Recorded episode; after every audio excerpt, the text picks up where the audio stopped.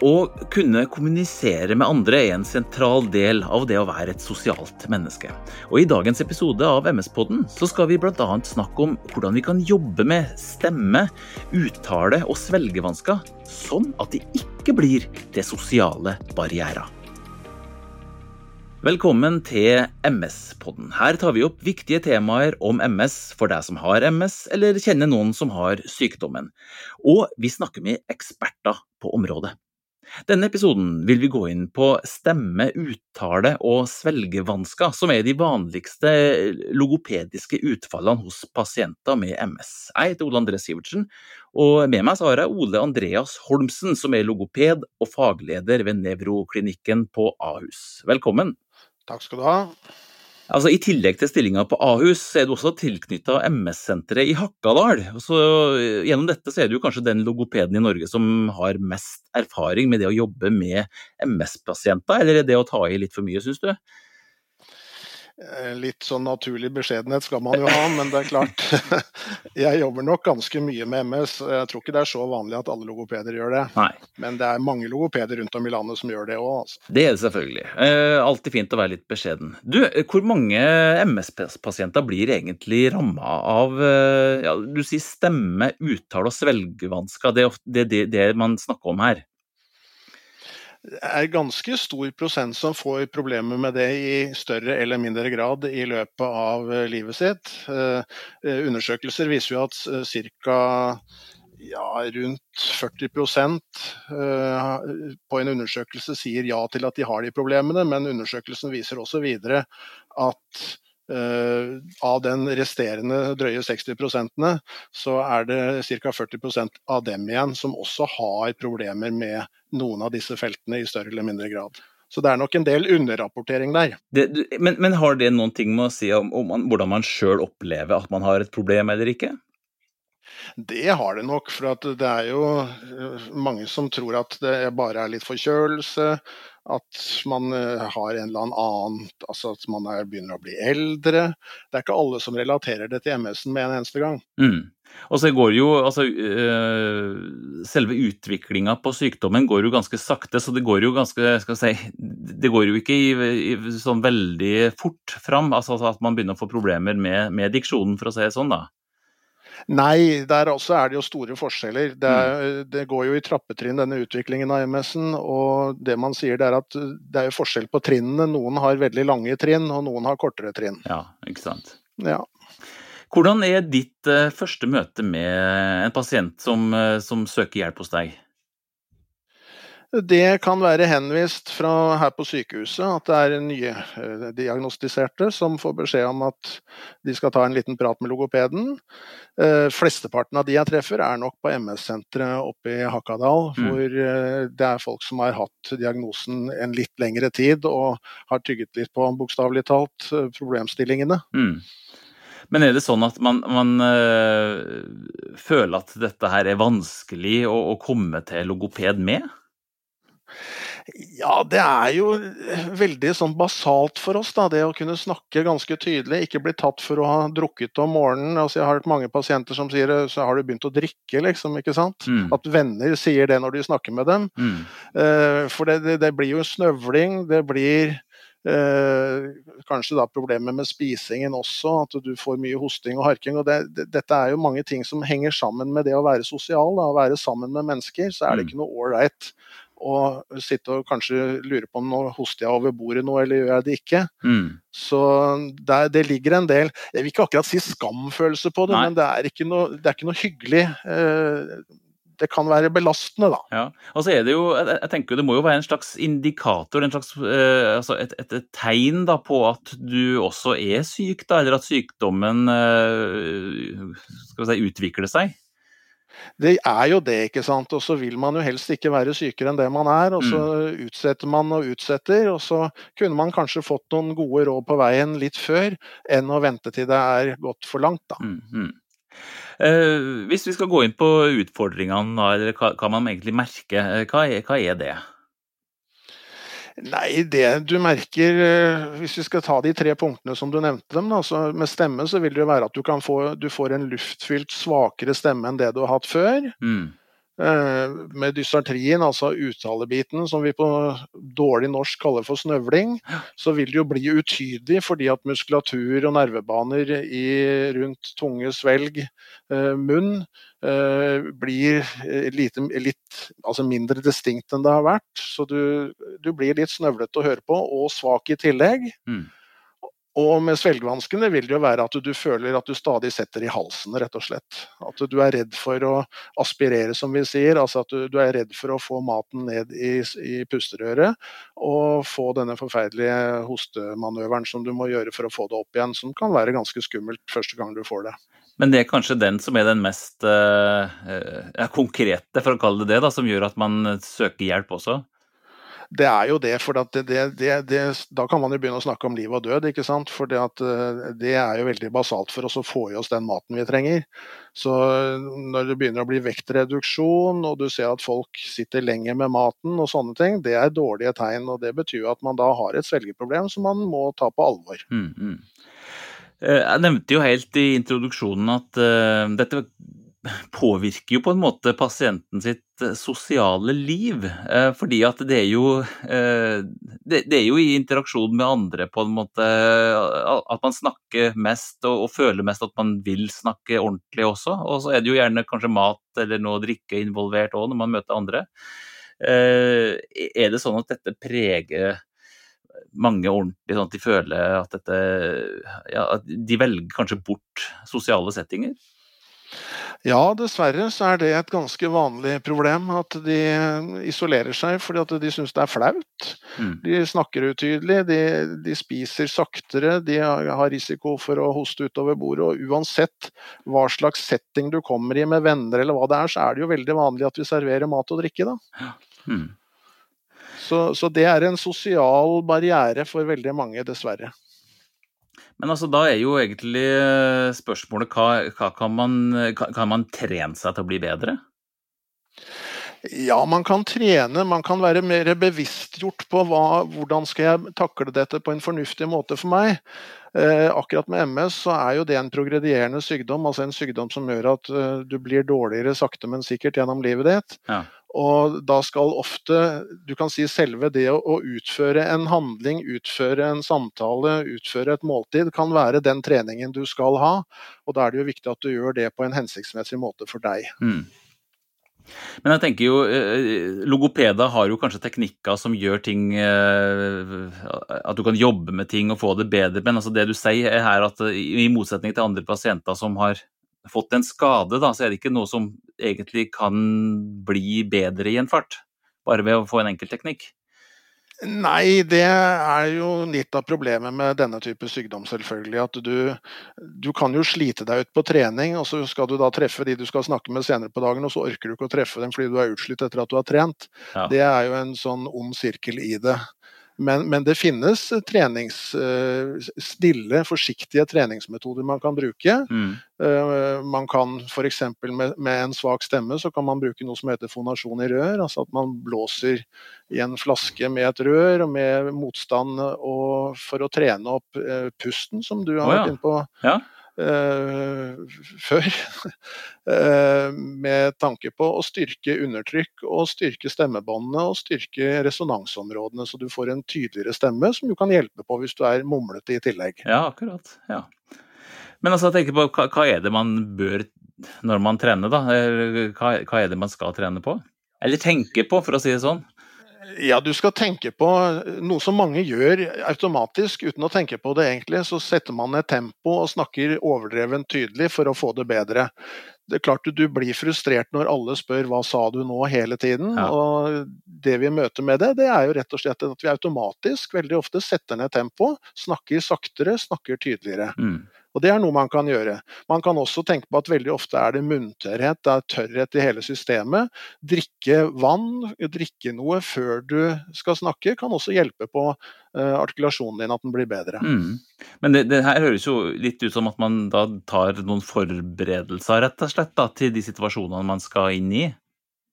Ja, man må forberede seg litt. Skal du ha en samtale på telefon, så kan det være lurt å ta fonasjon i rør fem minutter før du gjør det, så du har mm. styrket stemmen din, så du vet at den funker. Mm. Maksimalt eller optimalt for deg.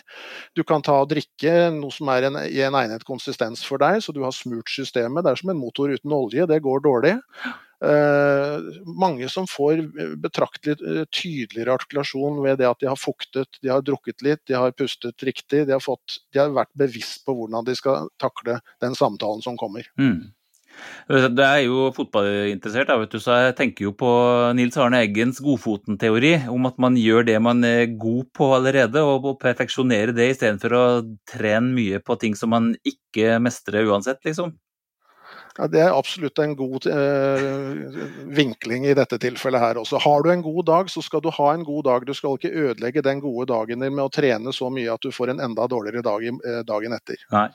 Eh, da vi snakka sammen eh, for noen dager siden, så snakka du om, om, eh, at man kanskje også kan ha forskjellig eh, altså be, være flinkere til å bruke muskulatur på ene sida i munnen, og at man da kanskje bevisst plasserer seg i forhold til den man kan snakke med, sånn at man bedre eh, får uttale eh, når man snakker mot en person på en side?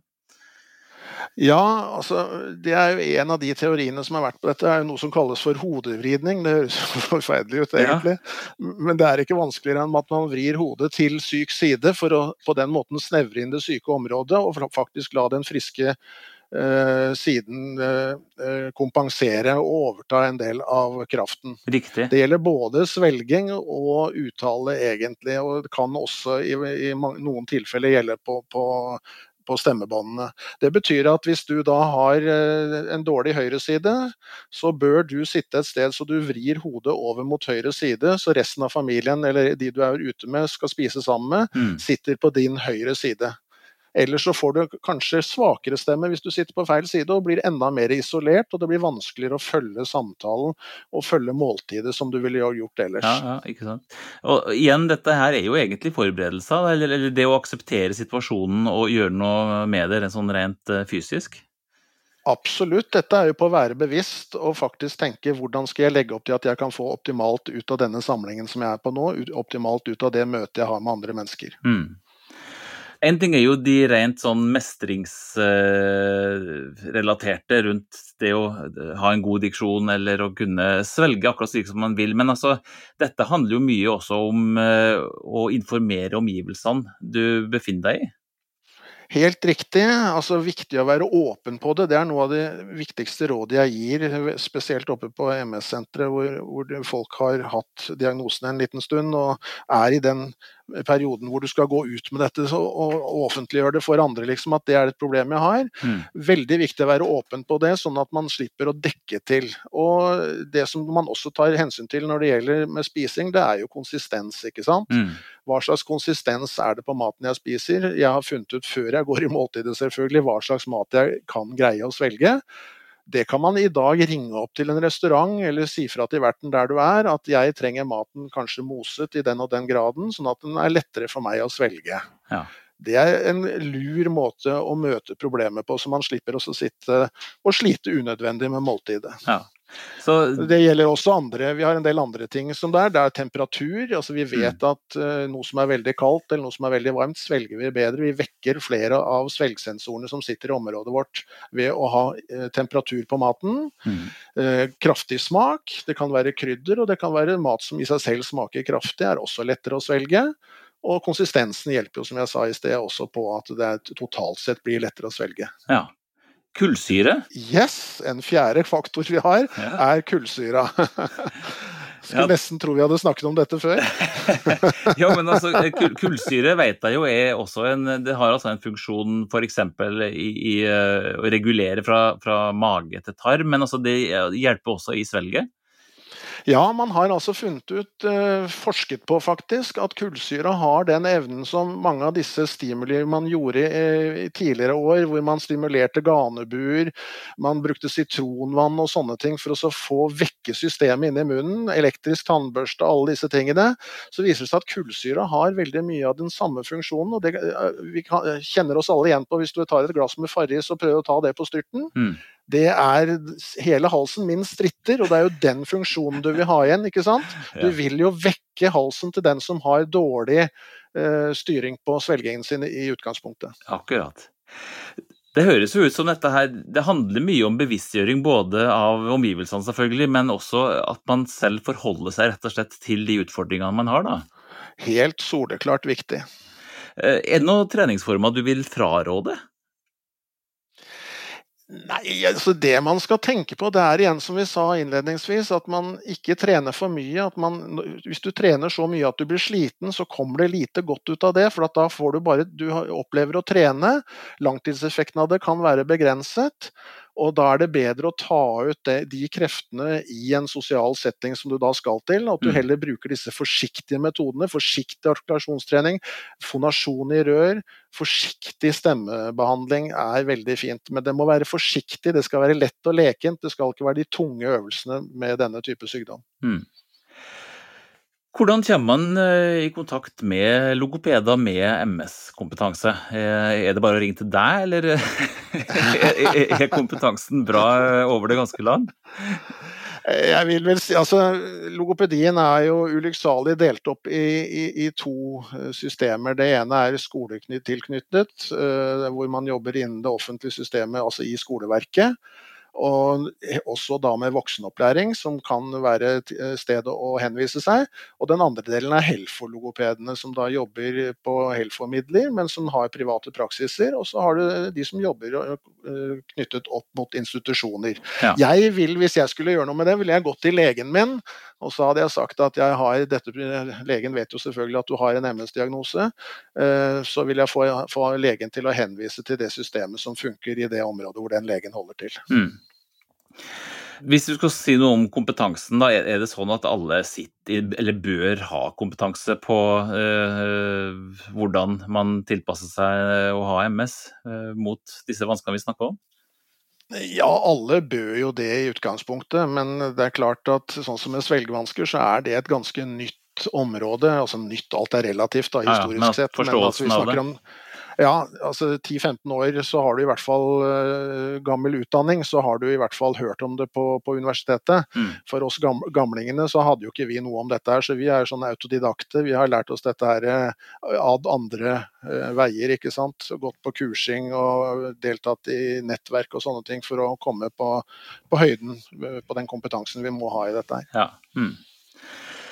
Uh, ja, vi er vel egentlig gjennom ganske mye nå. Altså, hvis du skulle ha noen tips da, hvordan man lever med de vanskene, hva er det du vil trekke fram? Vi trekker frem at man skal leve livet sitt så godt så, så, så normalt som mulig, egentlig. Ja. Og så kan man oppsøke fagfolk på disse forskjellige tingene og få tips som er fornuftige og som man kan leve med i hverdagen, som ikke krever for mye Sånn at du går glipp av andre ting ved å kjøre gjennom de tingene. Det syns jeg er veldig mye av de øvelsene og de rådene man gir. At det skal koste deg minst mulig som pasient. Mm. Sånn at du ikke sliter deg ut på det. Og kan få et mest mulig fullverdig liv eh, utenom sykdommen din, liksom. Mm. Det er vel mye som har med dagsform å gjøre òg, hvor mye man orker og hvor mye øving man egentlig bør legge opp til? Jeg er veldig enig i det. Jeg ser det på nært hold ofte, hvordan folk sliter seg ut og skal sykle, og de skal eh, altså sånn på treningssykkel, og, så er de utslitt tidlig på morgenen fremfor å ta det litt med ro. og Har du en god dag, så bruk den gode dagen til noe som du er lystbetont og som er fornuftig for deg å gjøre, mm. fremfor at du sliter deg ut, og så får du en dårlig dag på den gode dagen og en enda dårligere dag dagen etter. Mm. Det blir jo litt lettere å ta hensyn til seg sjøl hvis man uh, orienterer omgivelsene sine også uh, om, om, det. Det er, ja, det er kjempeviktig, tror jeg. Altså. Det er mye bedre å være ærlig fra dag én på sånne ting. Hvis jeg skal oppsummere, da, så må vi vel da si at uh, mange med MS opplever problemer med stemme og uttale og svelg, og at det er viktig å ta det her på alvor. Og det fins uh, hjelp. Eh, det gjør både problemene mindre og lære seg kanskje å, å takle det. Og så selvfølgelig, eh, bruk fastlegen din, eh, bli henvist til eh, logoped. Det, det, det, kan vi slå et slag for her og nå. Er det noe du har lyst til å tilføye? Nei, vi slår gjerne det slaget, for det er veldig bra. ja, ja. vi er altfor få. Du kan selvfølgelig snakke på innpust og utpust om dette her i mange timer, du Ole Andreas, men eh, det var en eh, fin gjennomgang av dette her, syns jeg. Tusen takk for at du var med. Takk for at jeg fikk komme med det budskapet her, for det tror jeg er viktig å få frem. Det var altså Ole Andreas Holmsen, logoped og fagleder ved nevroklinikken på Ahus. Jeg avslutter med å fortelle at eh, MS-podden er i regi av Biogen. Og har du ikke allerede gjort det, så kan du trykke abonner på MS-podden, så kan du høre oss ta opp flere problemstillinger og andre viktige temaer om MS, forklart av folk med spesialkompetanse. Jeg heter Ole André Sivertsen. Takk for denne gang, og på gjenhør.